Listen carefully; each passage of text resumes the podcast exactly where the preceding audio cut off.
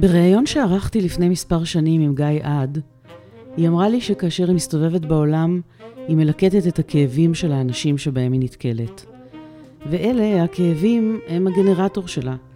בכתיבה זה מובן מאליו, כי שם היא שפחה של הנפש. זה על פי הניסוח של גיא. אבל גם בחיים הם הגנרטור שלה, כי היא חושבת שאין דרך לחיות בלי להתחבר לכאב. הכאב הספציפי שעליו דיברנו הוא מותו של אביה, העיתונאי משולם עד, כאשר גיא הייתה רק בת 17, והבית שהתפורר בעקבות המוות הזה, וגם האופן שבו הוא חוזר ועולה בכתיבתה. אגב, שניים מספריה של גיא, הבאר שבעים וויקי ויקטוריה, היו מועמדים לפרס ספיר, ומוות הוא בהחלט לא הנושא היחיד שמטופל בהם, וכך היה גם בשיחתנו, שהתקיימה בבית של גיא בתל אביב, בחברת שני חתולים שהתחבאו מתחת למיטה, ואחת שהשמיעה קולות מחאה מבחוץ.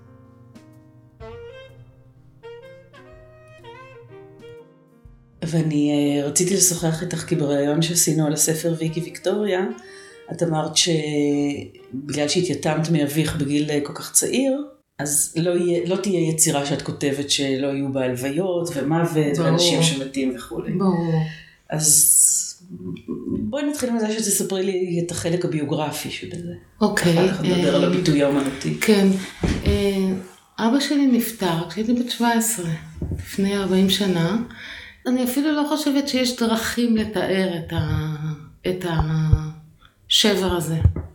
זאת אומרת, הדרכים היחידות שאני מצאתי לתאר אותו הן באמת ספרותיות, ואני חושבת שלא תמיד אני מתארת את, ה, את, את שבר המוות כ, כמוות, לפעמים הוא פשוט בום. יש בספרים שלי תמיד בומים, תמיד אירועים נורא נורא מכוננים, זאת אומרת, את יוצאת מהמערכה הזאת ואת נכנסת לבאה אחרת לגמרי. ו... זאת בעצם ההגדרה של המוות שלו מבחינתי, מכיוון שכשהוא מת, הוא לא רק לא היה, אה, אימא שלי גם התפרקה. זאת אומרת, זה היה איזה משהו שחולל אה, הרס בתוך, ה, בתוך הבית. במפתיע או שהייתה תקופת מחלה? או... הייתה תקופת מחלה, היה לו סרטן. אה, סרטן בכבד כנראה, או בלבלב, או... ובמהלך התקופה הזאת זה דובר, האפשרות שזה יסתיים במוות? זאת הייתה תקופה מאוד קצרה, זה היה ממש מרתון של חמישה חודשים, שבתוכם הוא עבר ניתוח מאוד מאוד קשה, אה, ניתוח שאולי אם באמת היינו יודעים את האמת, אני חושבת שלפני 40 שנה רופאים דיברו קצת פחות. אה, אם היינו יודעים ממש לאן זה הולך, יכול להיות שהוא לא היה מנותח, זה הדבר שאימא שלי אה, ביכתה עליו שנים. כי זה לא דובר. זה, זה היה נורא, זה היה כאילו לא היה טעם, זה היה מיותר, זה לא... אבל אני חושבת שלא ממש דיברנו על זה שהוא הולך למות, זה היה אפוף בשקרים, ואולי בתקוות ובאמונות, זה היה משהו מאוד, אה, תקופה מאוד מאוד קשה בבית. את בת יחידה? לא, יש לי אח גדול, הוא היה אז בצבא, אבל אני הייתי בבית. אני הייתי בבית מכיוון שזאת הייתה כיתה י"ב. ואני החלטתי בדיוק שאני עוזבת את הלימודים, ואני לא רוצה יותר ללמוד בשום מסגרת, והייתי בבית, למדתי לבד. זה היה קשור? ההחלטה הזאת הייתה קשורה? ההחלטה הזאת הייתה קשורה למשהו שלא יצא לפועל. אבא שלי תכנן לכתוב דוקטורט על גטו לודג', הוא למד היסטוריה של עם ישראל ו... ותקשורת המונים, וללימודי הדוקטורט הוא התקבל בדיוק לאוניברסיטה באמריקה, מצא מנחה בוושינגטון סטייט בסיאטל, ופשוט אה, התחלנו לתכנן את הנסיעה שלו לשם, זאת אומרת הם התחילו לתכנן והוא חלה. עכשיו במסגרת אה, התחלת תכנון הנסיעה אני מיד קפצתי על זה ואמרתי שבין כה וכה אני לא יכולתי לשאת את בית הספר אז אני גם אה, אעזוב את הלימודים. ואז נוצר מצב שאבא שלי גסס, אימא שלי התפרקה ואני לא הייתי בשום מסגרת בחודשים האלה. תקופה שאני חושבת באמת עיצבה אותי, את יודעת, אין לי דרך אחרת אה, לתאר אותה, עיצבה אותי, הייתה מאוד מאוד קשה, מאוד מיוחדת, מאוד מצחיקה גם, מאוד, תקופה מאוד רצינית בחיים שלי. איך מוצאים דברים מצחיקים בתקופה כזאת?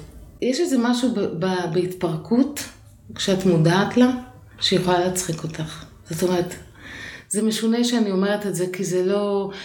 אני חושבת שפשוט היו רגעים שברחתי לצחוק, את יודעת, אה, אולי זה יהיה יותר נכון להגיד. אה, אני באה מבית שצחוק היה, היה פתרון להרבה דברים. נהדר. היה סוג של התמודדות, אני העברתי את זה גם לילדים שלי.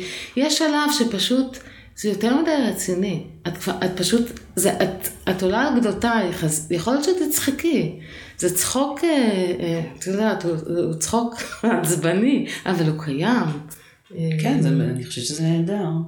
אימא שלי, אני, אני מגלה עליה, היא שתתה הרבה בתקופה הזאת. והיו גם דברים נורא מצחיקים עם האלכוהול שלה, את יודעת. אה, זה סוף שנות ה-70, תחילת שנות ה-80, או מתי זה? זה 1980 הגסיסה, מי היה ותחילת מאמין שבבאר 81. שבע יש אנשים שמשתכרים?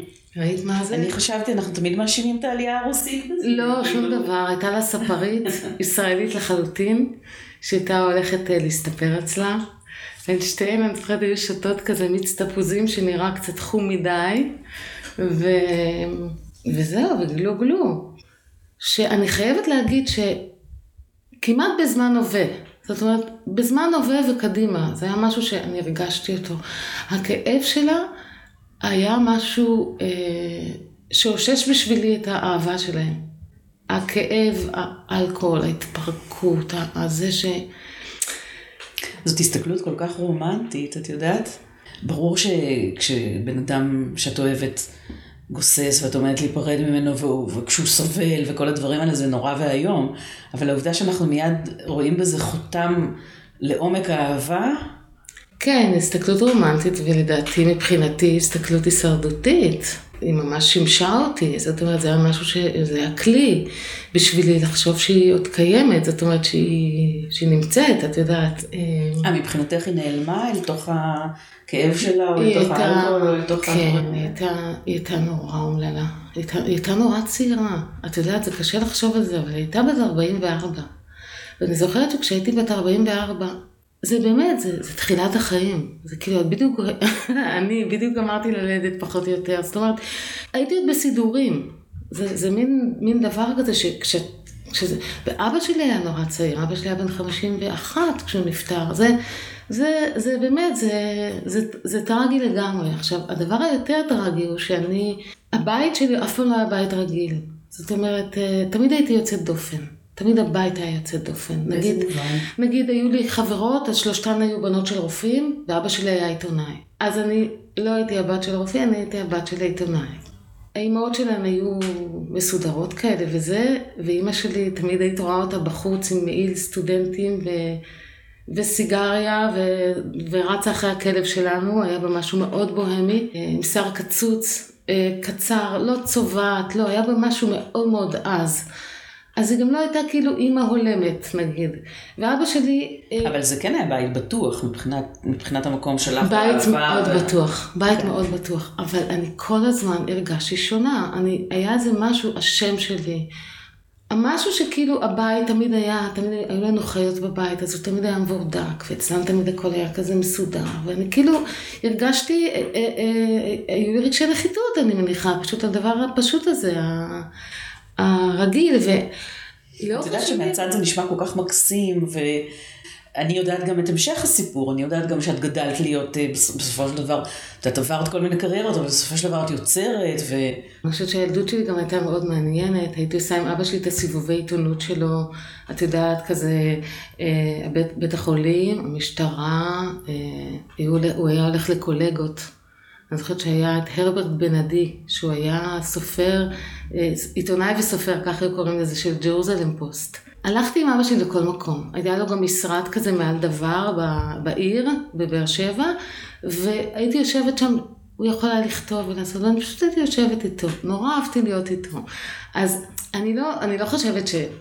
אומללה בטח שלא, אבל היה, היה איזה חוסר סדר, היה איזה משהו, שכאילו שילד תמיד מנסה לעשות סדר בראש שלו, אז הדבר הזה, היו המון דברים שהם כאילו, את יודעת, הם לא קורים אצלך, ילד, אני חושבת שזה משהו נורא טבעי.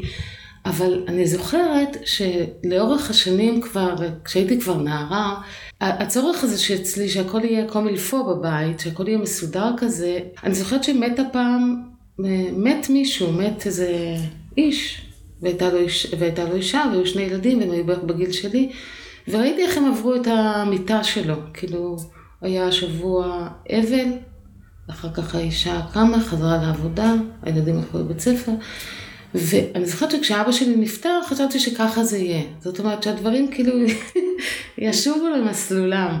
עכשיו גם זה לא התנהל כמו שצריך. זאת אומרת, הם לא שבו למסלולם. לא ישבנו שבעה, לא, הכל היה...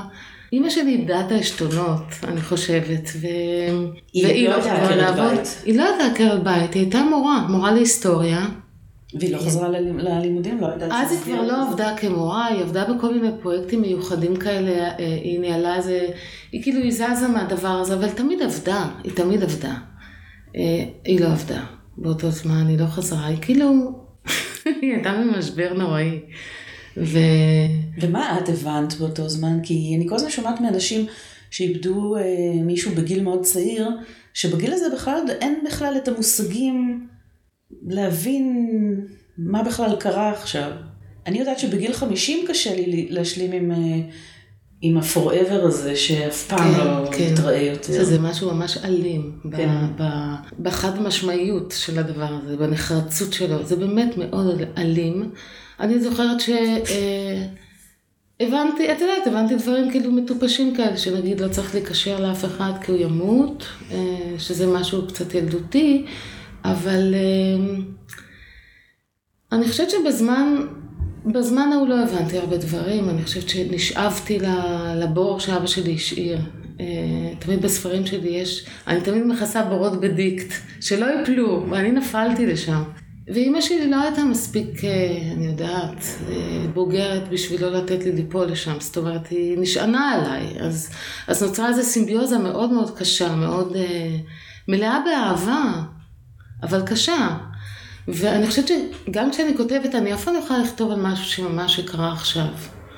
אין לי, אני חייבת פרספקטיבה, ו, ו, ואם נחזור לדבר הזה, אז, אז אז אני חושבת שההווה שלו היה כל כך אה, אה, הישרדותי. אני חושבת שמישהי סיפרה לי שהם פעם נקלעו, הייתה עם החבר שלה, והם נקלעו לסופה, לסופת שלגים בהימאליה או משהו. היא אמרה לי שככה היא הרגישה כשהיא חטפה סרטן שד.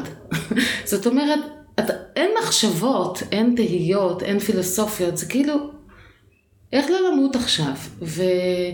וה, וה, והתחושה הזאת של ה-emergency, של הדבר הזה שקורה עכשיו, היא, היא תחושה שנורא נורא מכווצת ונורא מצמצמת. ו... אז איך התנהל היום-יום כשאת ואימא שלך אה, נאחזות אחת בשנייה? אני למדתי לבגרויות. עכשיו אני... אה, עזבת את, עזבת את בית הספר, אבל המשכת ללמוד לבגרויות. המשכתי לבגרויות. הדבר האחרון שאבא שלי עשה בשבילי זה שבעצם הוא ארגן לי בגרויות בשני uh, מועדים. זאת אומרת, חלק עשיתי בחורף וחלק עשיתי בקיץ, כמו באוניברסיטה. כאילו הוא הצליח... Uh, הוא אמר, לא נראה לו הגיוני שילדים צריכים לעבור את הכל בבת אחת, ואת זה הוא ארגן לי. כאילו היו לו את הקשרים שלו ואת ה... אז בעצם בגסיסה שלו התכוננתי לבגרות בנגיד מתמטיקה וצרפתית, ולקראת הקיץ עכשיו, האופן שבו התכוננתי, מתברר שבאמת בשביל להיות סופרת את צריכה להיות באמת אה, חיילת. אין מה לעשות. זה איזה סוג של נוקשות שאז שמרה עליי לדברים אחרים, ועכשיו כאילו אני פשוט משתמשת בה, היא קיימת בתוכי כנראה, אבל נוקשות מטורפת, היה לי סדר יום שכלל בתוכו אפילו התעמלות, אני זוכרת. וחלק מהדברים למדתי בחוץ, נגיד היה מכון לתרבות צרפת, אז שם למדתי צרפתית.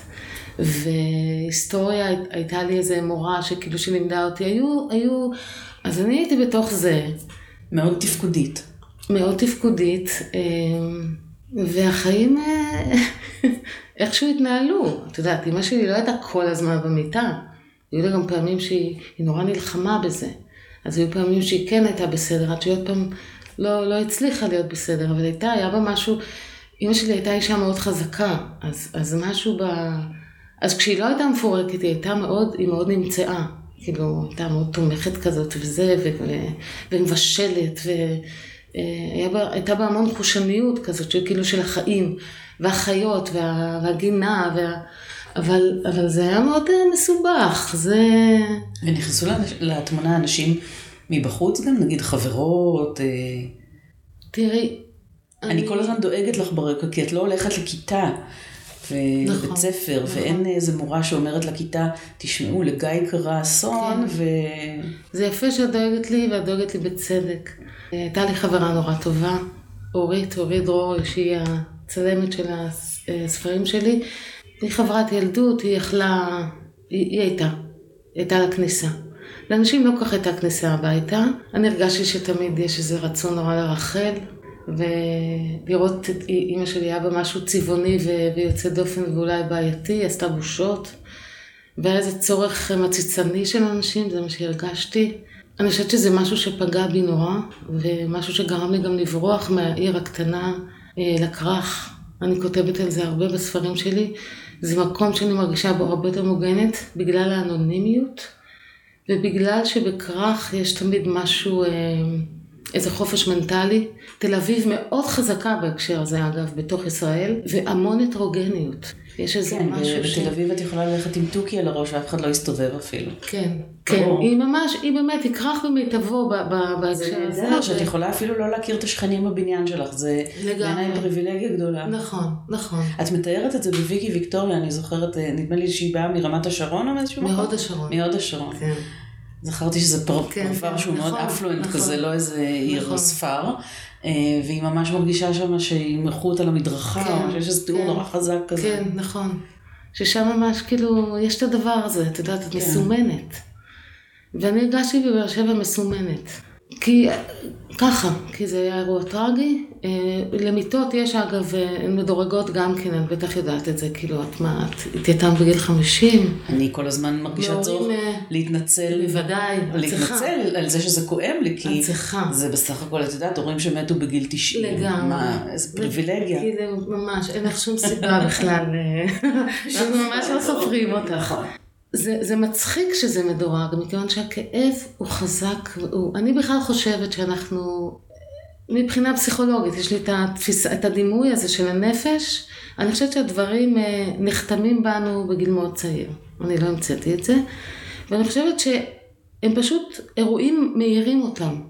ולכן כאב, כשההורים שלך הם בני 90, הוא כאב שהוא כאב, זאת אומרת, הוא לא, הוא לא, הוא כאילו הוא קשור לזה, אבל הוא קשור גם לאיזה משהו, את יודעת, ל... אני יכולה להגיד לך שבמהות שלי, והכתיבה שלי היא, היא, היא נובעת משם, במהות שלי אני יתומה.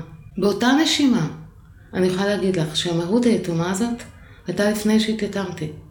אני, אני הרגשתי אותה. בגיל מאוד מאוד צעיר, בתור ילדה, בתור...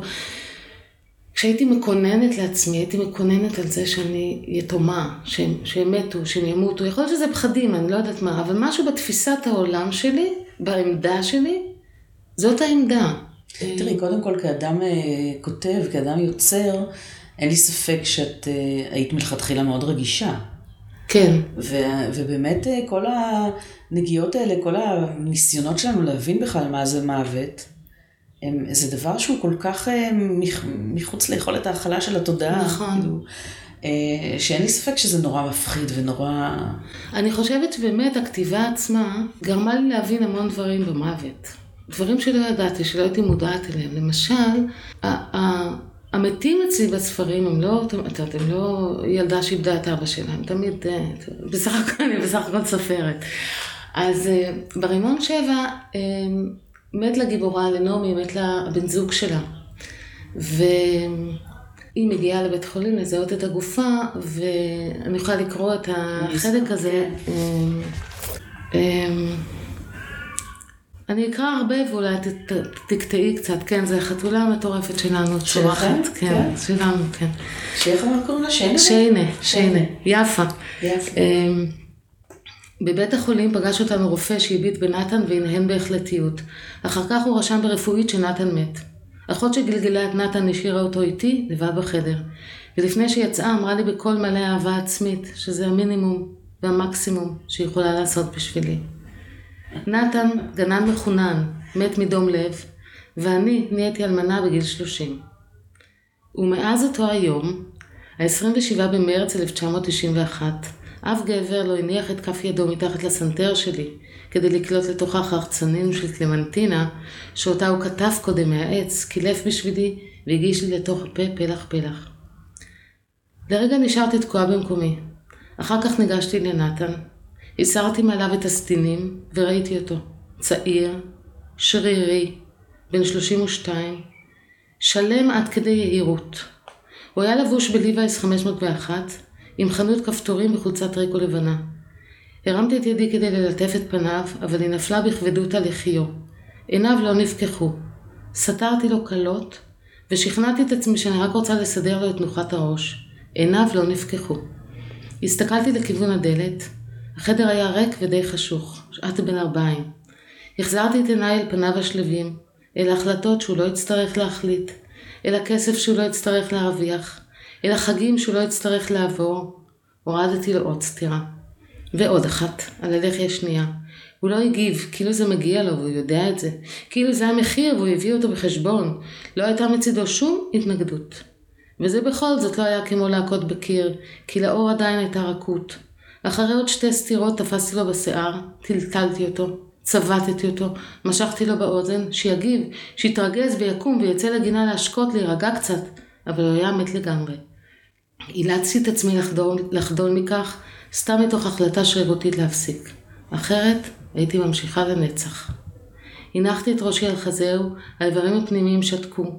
רציתי להירדם שם, לישון, לחשוב שחלמתי, להתעורר כשהפחד היחיד שלי הוא שאני לא מוכנה לבחינת סמסטר. התרוממתי לרגע ושוב רכנתי אליו, והנחתי את פניי בכף ידו. אצבעות לא ארוכות במיוחד, כף רחבה, חוסן נפשי.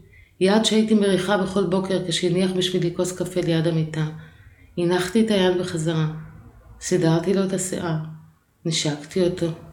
ליטפתי לו את הגוף. אבל בשונה מסתירה, אלה כן תלויים בפידבק. כיסיתי אותו היטב, הדלקתי לו אור, ויצאתי משם. עכשיו, כשהקלטתי את זה באייקאסט, אז ממש בכיתי. אה, אבל זה קטע שלא ידעתי. זאת אומרת, כשמדברים על כתיבה או על יצירה, יש רגעים שהסימולציה פשוט אה, מתגמדת לעומת הרגע הטהור של היצירה. אני חושבת שרק אז הבנתי שאולי, אולי אני כועסת על אבא שלי? אולי הוא נטש אותי? עכשיו, זה, זה ממש לא בסדר כי אבא שלי מאושוויץ, ואבא שלי מת ממחלה.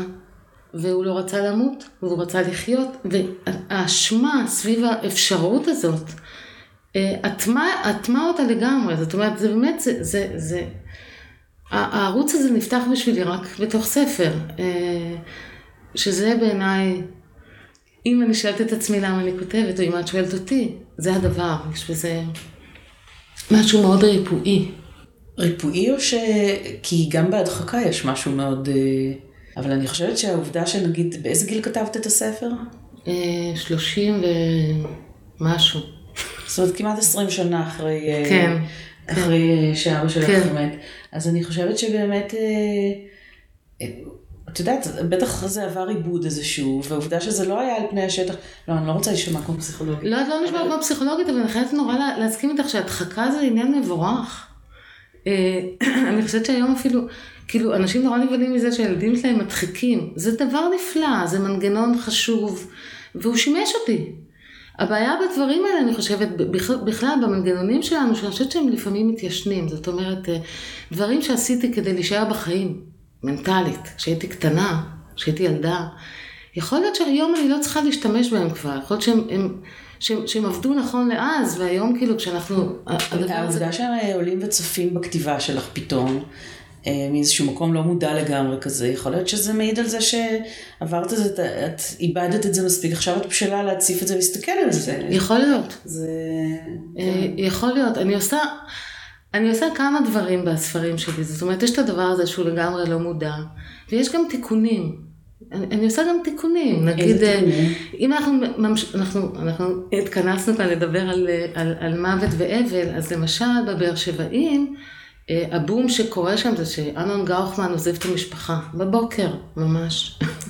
הוא מודיע לילדים בארוחת בוקר שהוא אה, אה, נוסע, עוזב לאמריקה, אה, הוא מאוד הושפע מ, אה, מספר שהוא קרא, אה, נו, אה, הפרוטה והירח. כן. אה, ששם אה, צ'ארלס סטריקלנד עוזב את המשפחה בלונדון ונוסע לצייר בפריז. בכל אופן, אז אז בבאר שבעים הגיבורה דניאלה סובלת מזה שאבא שלה קם ונסע, שבשבילי זה היה, אתה יודע, זה חלום. תחשבי, כאילו, תחשבי לעצמך, אמרתי לעצמי, אה, שאבא שלך רק נסע לאמריקה, ובכל זאת תוכלי לראות אותו. אז זה מין תיקון, זה כאילו, השבר שלה הוא על מישהו שעזב, לא על מישהו שמת. סתם, כל מיני שטויות שאני מכניסה... מצד שני, כשמישהו עוזב זה מבחירתו. וכשמישהו מת, את באמת יכולה להגיד לעצמי, הוא מאוד רצה להישאר איתי, הוא לא, הוא הלך כן. לא מרצונו כמובן. כן, כן. נכון. נכון. בכל התקופה הזאת, אגב, שאמרת שזה היה מרתון של, של חודשים ספורים, אבל עם אבא שלך כן דיברת על האפשרות שהוא לא יהיה? הוא אמר משהו? הוא ניסה להכין את הקרקע, לסדר, ל... איך הוא בכלל... אה, הוא אמר דברים לפעמים. הוא אמר כאילו את הדוקטורט אני כבר אעשה למעלה. אה, הוא שאל אותי איך אני מרגישה מזה שהוא חולה. היו דברים, אבל אני חושבת שלא יכולתי להתמודד איתם. זאת אומרת, לא, לא הייתה ממש שיחה. אני זוכרת שבעשרה ימים האחרונים שלו, לפני שהוא, כשהוא התחיל לאבד את ההכרה, בעצם שהוא הצהיב ו, וחזר לבית החולים, עשרה ימים לפני מותו, ואולי אפילו פחות מעשרה ימים לפני שהוא איבד את ההכרה, אני הקראתי לו. הייתי באה אליו ומקריאה לו, כאילו, עיתונים, ספרים. אני זוכרת, זה היה משהו ממש ממש משונה, משהו שממש... הוא, הוא, הדרך שלו לעזוב או לאבד את ההכרה הייתה כמו rewind. זאת אומרת, הוא התחיל ללכת אחורה. הוא התחיל ללכת אחורה, הוא הגיע נגיד לנגב עם הבדואים אה, של שנות ה-60, ואחר כך לנגב עם ההתיישבות של העולים אה, מצפון אה, אפריקה, כל המושבים. שם הוא חושב שהוא נמצא? כל פעם, הוא הגיע לשם, כן. כאילו, הוא דיווח עיתונות, דיווח, כאילו, כל פעם הלך אחורה, ואז הוא הגיע כמובן לפולין. השפה השתנתה, היא עברה לפולנית ולגרמנית של אושוויץ, וממש לפני שהוא הביא את ההכרה הוא כבר דיבר יידיש. פשוט נעלם לי בשלבים, והשלבים, השלבים האלה כאילו איכשהו הקלו עליי. אני לא יודעת, כאילו, לא דיבר איתי, כן? אבל, אבל היה איזה משהו שראיתי שבכלל...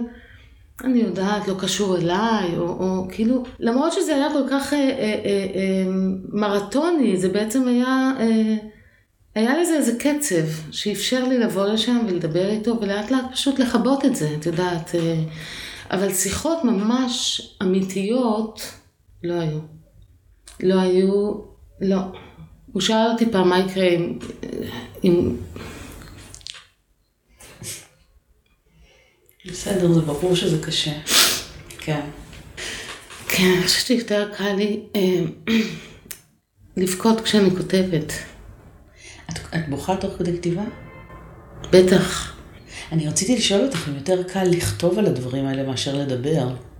כי אני מוצאת אצל, אה, אצל אנשים כותבים אה, התמודדויות מאוד כנות בכתיבה פתאום, המון דברים נורא נורא חשופים, ואני תוהה אם זה דברים שאנשים שכותבים מסוגלים לספר אפילו לקרובים שלהם, או שזה רק דרך היצור. אני חושבת שאת ממש עכשיו, אה, את, את עכשיו הגדרת אה, את הכתיבה שלי לפחות באופן ממש מדויק ביותר, הכתיבה שלי היא תקשורת. אין לי, אני חושבת שבאמת אין לי דרך להגיד את זה אלא ככה. משם אני יכולה אני באמת יכולה להתקרב לאיזה אזור בתוכי בצורה הרבה יותר בטוחה, בצורה הרבה יותר אותנטית. אה, לדבר על זה זה מאוד קשה. אני גם נורא מתביישת לבכות. למה? ולהתבכיין. ו... אה, יש שני דברים, זה שני דברים מאוד שונים, לבכות ולהתבכיין. אז תמיד כשאני בוכה, אני מיד, יש, יש איזה קול כזה שאומר לי, כאילו, אל תתבכייני. את יודעת, מיד, מיד מחבר את זה. אני, אני יודעת שזה לא נכון, אבל זה לא... בכתיבה בכל אופן, אני תמיד צריכה חדר סגור עם מפתח, כאילו, שלא יראו אותי. אז בכתיבה... את כותבת אני... פה, בחדר הזה שאנחנו יושבים בו? Uh, עכשיו חזרתי אליו, היה לי חדר כתיבה מחוץ לבית. הכתיבה שלי בנויה מכמה שלבים, זאת אומרת, יש את השלב שהדברים פתאום מופיעים והם מבולבלים כאלה וצריך לסדר אותם. ואז כשאני מתחילה איכשהו לסדר אותם, אני, אני בורחת, אני נוסעת לכמה ימים, כאילו לשלושה ימים, לחמישה ימים, מה שהחיים מאפשרים לי, ומושיבה את זה על איזושהי מסילה, ואז אני יכולה לכתוב בצורה, כאילו, את יודעת, אני יכולה לכתוב פה, אני יכולה לכתוב... אני מעדיפה שזה יהיה חדר סגור, אה, החדר הזה הוא סגור, החדר הזה הוא חדר אה, מוגן בבית, אבל חזרתי אליו בגלל הקורונה. היה צריך... אה, פחדתי קצת מהעתיד ודברים כאלה. התכנון הוא לצאת עוד פעם החוצה, אה, לעבוד מחוץ לבית. אנחנו עכשיו יושבות בחדר בביתי. אני צריכה לעשות את זה בחדר סגור. ולמרות שאת שולטת בה וכולי, את, את, את כותבת ובוכה? יש רגעים בכתיבה כשאת נכנסת לאנשהו, שהיא לא רצונית. את נכנסת באמת למקום מאוד עמוק בתוך הנשמה, והוא מוציא דברים. אה, זה רגעים באמת, כאילו, אם הייתי מתארת את הכתיבה על סקאלה שבין תיעוב עצמי להתעלות, אלה הרגעים של ההתעלות, שפתאום את, את נותנת לזה לקרות, את, את נכנעת, את מתמסרת, או איך שזה לא יקרה. עכשיו, זה מאוד חזק, הבכי הזה, או הדברים האלה שפשוט, אה, זה, זה, זה ממש, זה באמת, זה, זה, זה רפיון מוחלט, אה, רפיון מנטלי מוחלט, הוא נורא נורא חשוב, הוא לא קורה הרבה, הוא גם בתוך היום שלם של הכתיבה, הוא בא והולך, הוא... אבל אני זוכרת שאחד הקטעים הכי מדהימים שקרו לי, אם, מדברות, אם אנחנו מדברות על תקשורת, זה ש... אה, ואולי כבר סיפרתי את זה, כי זה מאוד מאוד חזק לי, זה שהיה קטע שכתבתי בבאר שבעים, ובכיתי נורא. ומישהי כתבה לי מכתב שהיא קראה את הספר וסיפרה לי כמה היא בכתה בעמוד הזה. וזה היה בשבילי כמו להגיד שאת יודעת, יש משהו בספרות, ב, ב, ב, בשונה ממדיום אחרים, שהוא באמת נורא אינטימי. זה את ואני והספר שלי בינינו. והרגע הזה שפתאום משהו מצליח לעבור ביני לבינה, ביני לבין הקוראת שלי, אה, הוא אינטימיות, היא וירטואלית, אבל היא עמוקה בצורה בלתי רגילה. ותמיד ברגעים האלה, שהם כאילו נורא בודדים, כשאני מקבלת כאלה פידבקים, אני מרגישה נורא כמו חלק מהחברה האנושית. כאילו זאת התרומה שלי. תרמתי לך עכשיו ברגע, את יודעת, כאילו, וזה כל כך משמח אותי, זה... כן, יש בזה איזה סוג של פלא, כי באמת אה, הכתיבה היא דבר נורא נורא בודד. בכלל, כשאני קוראת ספר, אני מודדת אותו על עצמי כל הזמן. ברור. אני לוקחת אותו למקומות שאולי את בכלל לא התכוונת אליהם. ברור. הרי. ולכן אני יכולה למצוא את עצמי בוכה בספר על סין במאה ה-13, ובאותה מידה על ספר עתידני שבכלל... אה, ברור, ברור כן. לגמרי, זה נכון. אה, יש לנו מאגר, מאגר שממנו אנחנו שואבים, ואני חושבת שהוא מאגר חברתי. הוא מאגר ש... זאת אומרת, שאת אומרת את הדבר הזה, אנושי, כאילו, כן, אנושי, של האנושות. של האנושות, ומתוכו, ואליו, כאילו, ו, וברגע שאני מתח... מצליחה, לא יודעת מה, לכתוב את הסמלים שלו, או, או להגיע למשהו שכאילו מסמן אותו, אז, אז אולי נוצר הקשר הזה. אני, אני, אני לא יודעת אם אני מדויקת, אבל, אבל זה ברור לי לגמרי שזה חייב לצאת ממני. זאת אומרת, מהאזור שלי, באמת מהביוגרפיה שלי, מה... זה, זה עושה איזה דרך. אה, זאת הספרות בעצם, זה איזשהו באמת עיבוד של משהו ש... שנותן גם לך מקום, אה, כקוראת, אני חושבת. אם זה לא נותן לך מקום, אולי לא תצליחי. אני באמת חושבת שספרות זאת אחת המעבדות הכי משוכללות. ספרות הבדיון. אחת המעבדות הכי משוכללות שהאנושות יצרה בשביל לבחון את עצמנו. בצורה נורא מיוחדת ונורא חופשית, ובגלל זה אני גם תמיד טוענת שאומנם יש שם עצם כזה שנקרא ספר. אבל אני חושבת שהדיאלקטיקה היא מוחלטת, זאת אומרת, אין סופרת בלי קוראת, אה, בלי קורא. אה, אין דבר כזה. זה, זה לא מתקיים, כי, כי חלק מהכתיבה הוא באמת היצירה הזו שאני מספרת לך עליה, ש, שאני בוכה כשאני כותבת אותה, שאני סגורה בחדר כשאני אותה, אבל החלק השני הוא הספר, והוא, אה, אני לא כותבת למגירה. אני לא כותבת למגירה. אני כותבת כדי שיקראו אותי. זה כמו את יודעת, אה, עץ נופל ב, ביער והאם הוא משמיע קול כשאף אחד לא שומע אותו. אני ממש, אה, קל לי לחשוב שלא. אני עדיין מתקיימת, אני עדיין קיימת, אבל בתור משהו שהוא לא שלם. כן. המרחב הזה אה, הוא מרחב שלי, הוא מאוד חשוב. בתפיסת העולם שלי, זה לא שאני חושבת עלייך כשאני כותבת. אני כן יכולה להגיד לך שכאן נכנסת עורכת לתמונה. אני כן יכולה להגיד לך שגם כעורכת ספרותית וגם כנערכת, כשמשהו לא מובן, או כשמשהו שכתבתי מובן הפוך ממה שרציתי, או אני, אני, אני מאוד נזעקת, זה מאוד מטריד אותי. אני, אני רוצה, אני שוקלת על זה. זאת אומרת, זה לא שהדבר... כן, את לא, את לא בתוך איזה בועה סוליפסיסטית, את uh, מייצרת משהו שבא מתוכך, אבל את, את צריכה שמי שמקבל אותו, זה יהיה נגיש לו באיזשהו אופן. צריך לראות שזה כן, עובר, כן, כן, כן. כן. זאת אומרת, אה, אני, אני לא יכולה לרמות אותך.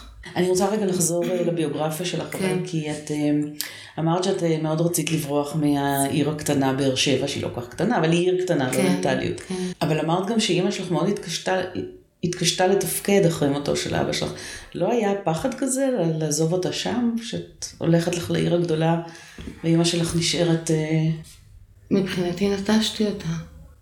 לא להרבה זמן, אגב, כי אה, הייתי בתל אביב אה, בצבא, שירתתי שם בצבא, והיא עברה במהלך, ה... במהלך הזמן הזה. אני זוכרת שבאתי הביתה, והבית, גרנו ב... בבאר שבע, ההורים שלי בנו וילה, מה שנקרא. זה היה נורא, הבית לא היה... לא היה. אה, היא לא נגמרה בדיוק והיא לא הספיקה, זה גם היה משהו שתמיד חשבתי שכמו שאנשים בונים, אז יהיה לנו מטבח כזה מעץ, ותהיה לנו גינה עם אה, צמחים טרופיים, אה, שום דבר מזה לא היה. היינו, זה היה, זה היה מעבר לפופיק של ההורים שלי מבחינה כלכלית. ו... ואז שבאתי הביתה, זה היה נורא, הוא ממש היה בו הד. היה... של ריקנות. של ריקנות, של ריקנות כאילו של הרהיטים, ואימא שלי שם, ו... אה, זה היה נורא בשבילי, זה היה נורא בשבילי. היא עזבה לתל אביב, היא גם לא יכולה להישאר שם. היא עזבה לחודשים, לתל אביב חודשים ספורים אחר כך, ו... וגרה כאן עד, עד, יום, עד יום מותה. אימא שלי ביקרה את הקבר של אבא שלי בשלושים למותו 30 שנה, אני מתכוונת. לקחתי אותה לשם בפעם הראשונה. היא פשוט לא יכלה לשאת את זה. ואת ביקרת? אני כן. אני מאז ש, אה, שאימא שלי מתה, זאת אומרת שהיא נוספה לאבא שלי והעברנו אותו והם עכשיו... אה, מה הכוונה העברתם אותו? הוא היה קבור בבית הקברות הישן בבאר שבע, ואת אימא שלי קברנו במנוחה נכונה בבאר שבע, והעברנו את אבא שלי משם לידה. מה זה מנוחה נכונה? זה בית קברות אזרחי. אה, איך אומרים? אזרחי חילוני. חילוני. הוא קיים בבאר שבע, הקים אותו בועז מואב, שהיה חבר כנסת של רץ, והוא היה בן דוד של אבא שלי. והוא הקים, הוא הראשון, הוא הקבור הראשון לדעתי, שם בבית הקברות, והוא נפטר אחרי אבא שלי, אצל אבא שלי זאת לא הייתה אופציה, וכשאימא שלי מתה זה היה מאוד ברור. שזה מה שאנחנו רוצים לעשות, אח שלי ואני. אח שלי לא חי כאן, אבל... אה, נותנים, אה, מדינת ישראל מאפשרת לפתוח ולהוציא מקבר... אה, זאת הייתה פרוצדורה של חצי שנה עם הרבנות בבאר שבע, אבל אני חושבת שהם ששו. עטו על זה, כי, כי קבורה, אני חושבת, ולדעתי הם בטח מכרו אותה, אני לא רוצה לחשוב כמה כסף הם עשו עליה, אבל הם, הם בסך הכל זה היה ממש, הם היו נהדרים, זאת אומרת זה הלך מאוד בקלות, רק פשוט נגרר הרבה זמן, אה, ואז העברנו אותו והוא לידה, ובעצם אני נוסעת לבקר אותם, ואני, שאני האישה אולי בין החילוניות שיש בעולם הזה, אה, ממש צריכה את זה. ממש נוסעת אליהם פעם בכמה חודשים, שלושה חודשים, פתאום יש לי איזה ארג', ממש, כאילו משהו עולה מתוכי, ואני נוסעת לבאר שבע. יש יש לך בארץ אה, סבים וסבתות שקבורים בארץ? כי אני יודעת שאבא שלך בא מאושוויץ, אבל... אה, כן. אבל אה, אימא או משהו כזה, זה, את ראית אותם עולים לקבר של מישהו? אני חושבת שאצלי זה פשוט משהו נלמד, ש... יש לי סבים וסבתא שכולם קבורים בחיפה. אה, נו. הדור שלפני זה, חלק קבורים בברלין, לשם הלכתי, כי זה בית קברות נורא יפה, זה עם המון עצים עתיקים כאלה, והכל כל כך נעים ומרווח, ועם המון ספסלים. אה, לחיפה אני חושבת, אבא שלי קרא לזה פארק היורה, כי שם קבורים הדינוזאורים של המשפחה. נהדר. כן. כן. והיינו הולכים במין איזה חובה כזאת פעם בשנה, אה. לנקות, לראות שהכל תקין, לפעמים להזמין מישהו שיצבע מחדש אותיות.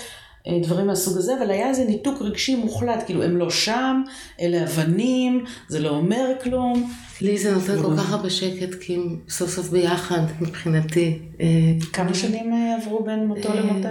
35. זה המון זמן, והיא אף פעם, היא לא, היא לא התגברה על זה. אבל פעם בשנה, אני חושבת שאולי לא הבהרתי מספיק טוב, אבל אנחנו, אני באה מבית שממש בחל בטקסים. לצערי. כי אני חושבת שלפעמים זה עוזר לאנשים. שבעה. אימא שלי פשוט לא, היא לא, בכלל לא, היא לא הכירה את, את מנהגי הדברים. אה, באופן כללי, אנחנו, לא, לא היו טקסים בבית שלנו, וטקסי מוות בוודאי שלא. זאת אומרת, יום, ביום השנה תמיד היינו הולכות לאכול ביחד, או היינו נמצאות ביחד, עושות משהו נעים, זה כאילו זה היה העניין. ואם אח שלי היה בארץ בזמן הזה, אז היינו, אז, אז אם הוא נמצא, אז שלושתנו עושים משהו נעים. אני תמיד מדברת איתו בימים האלה, אנחנו תמיד חוגגים ימי הולדת להורים שלנו. חגגנו לאבא שלי קודם, ועכשיו אנחנו חוגגים לאמא שלי, זה דברים מבחינתנו, גם אח שלי וגם אני. זה, זה כאילו, הם מתו, אבל זה לא ממש משנה. זאת אומרת, העניינים מתקיימים. אני ממשיכה לדבר איתם. אני אה, ממשיכה לדבר איתם, אני לא אקח אותך לאזורים יותר קריפיים של העניינים האלה. קחי, קחי, קריפיות זה דבר מסוקרן. את מדברת איתם בקול רם או שבתוך ראשך? בתוך ראשי, אני חושבת. אה, עם אבא שלי פשוט היו... אה, לפחות שני אירועים שאני זוכרת שהם היו ממש באמת משונים ברמות, הם קשורים לכתיבה שלי. שניהם היו בצמתים, שפשוט היה לי קשה מדי. אני תמיד, תמיד הצטרכתי, תמיד הייתי מפרנסת אה, עיקרית, ותמיד הייתי צריכה, אה, תמיד עבדתי המון, ולא היה לי זמן לכתוב. הכתיבה היא לא עניין של זמן, יש בה עוד, כאילו, היא, היא דבר שאני חייבת לעשות, אבל הוא גם חירות מהבחינה הזאת, אבל הוא גם, זה גם קשה, כאילו. אף פעם לא קיבלתי הכרה, אף פעם לא... אה, אז יש פתאום את הרגע שאת שואלת את עצמך, אולי באמת אני אלך אה, לממש את חלום חיי, להיות אה, בונה פרופילים במשטרה, נגיד. זה חלום חייך? אני חושבת שאם לא הייתי סופרת, זה מה שהייתי עושה. זה לא היה חלום חיי מעולם.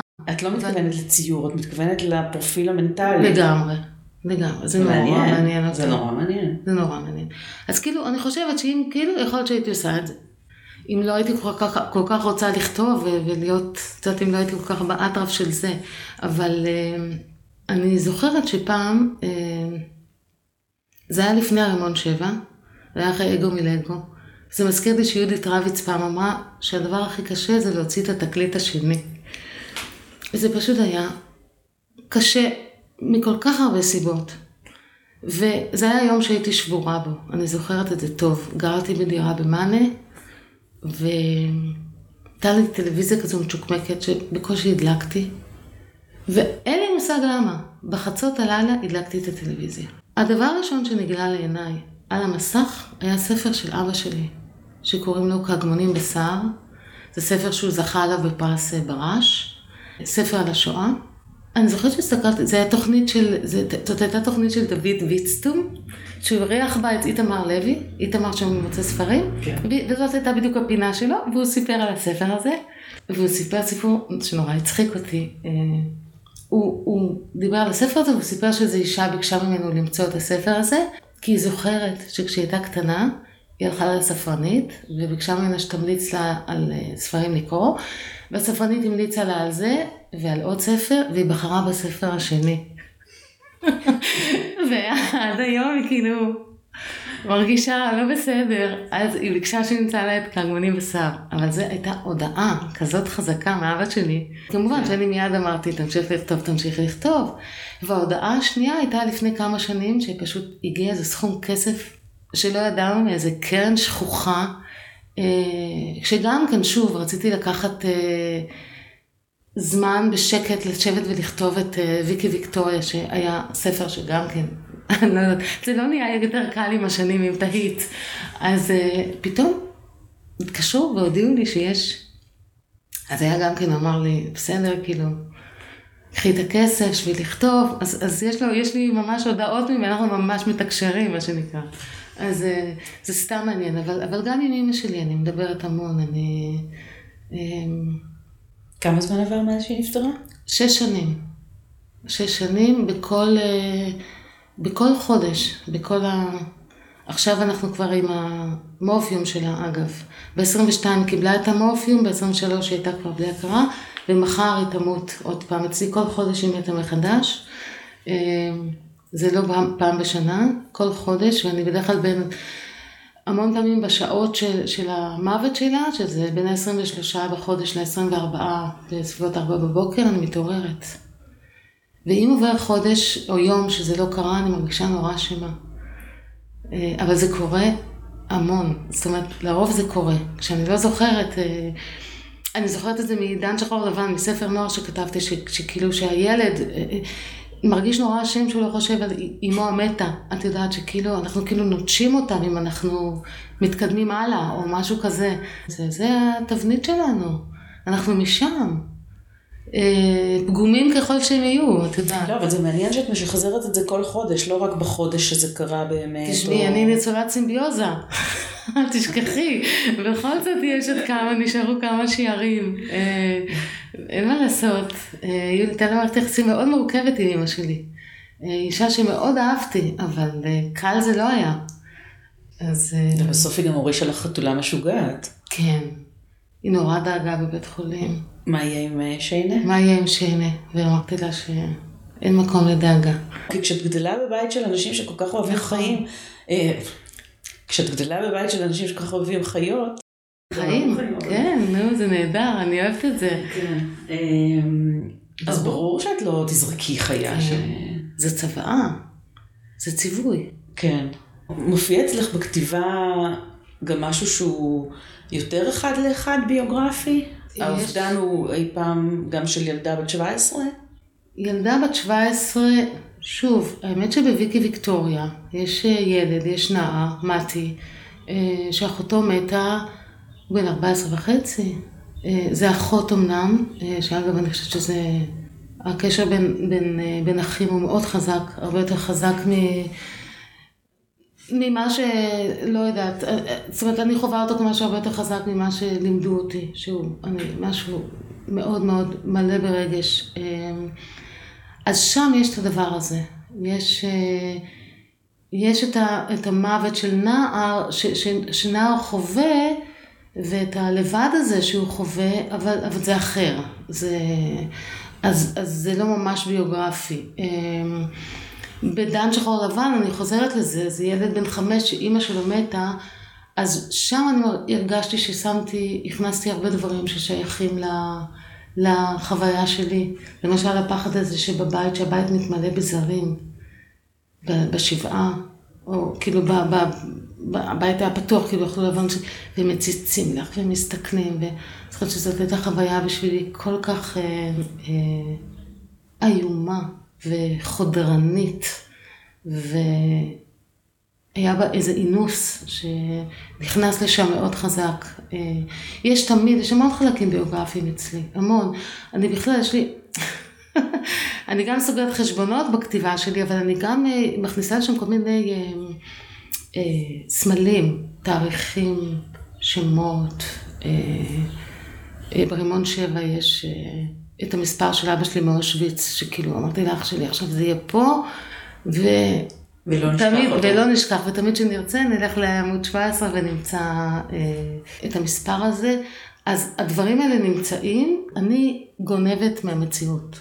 זאת אומרת, יש שם המון חלקים שהם לא ביוגרפיה שלי, אבל אני לוקחת, אה, אני לוקחת דברים ומכניסה אותם, הם לא בהכרח אה, שלי, אבל הם, הם כן קרו.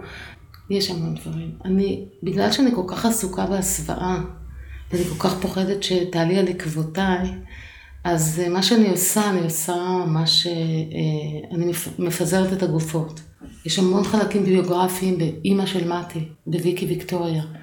יש המון חלקים ביוגרפיים במתי, בוויקי ויקטוריה. ביוגרפיה שלי ושל קרוביי, מה שנקרא. אבל למה את כל כך עסוקה בהסוואה? עכשיו שגם אימא שלך לא בחיים, נגיד, אז כבר אין מי שייפגע אם את תכתבי אחד לאחד, לא?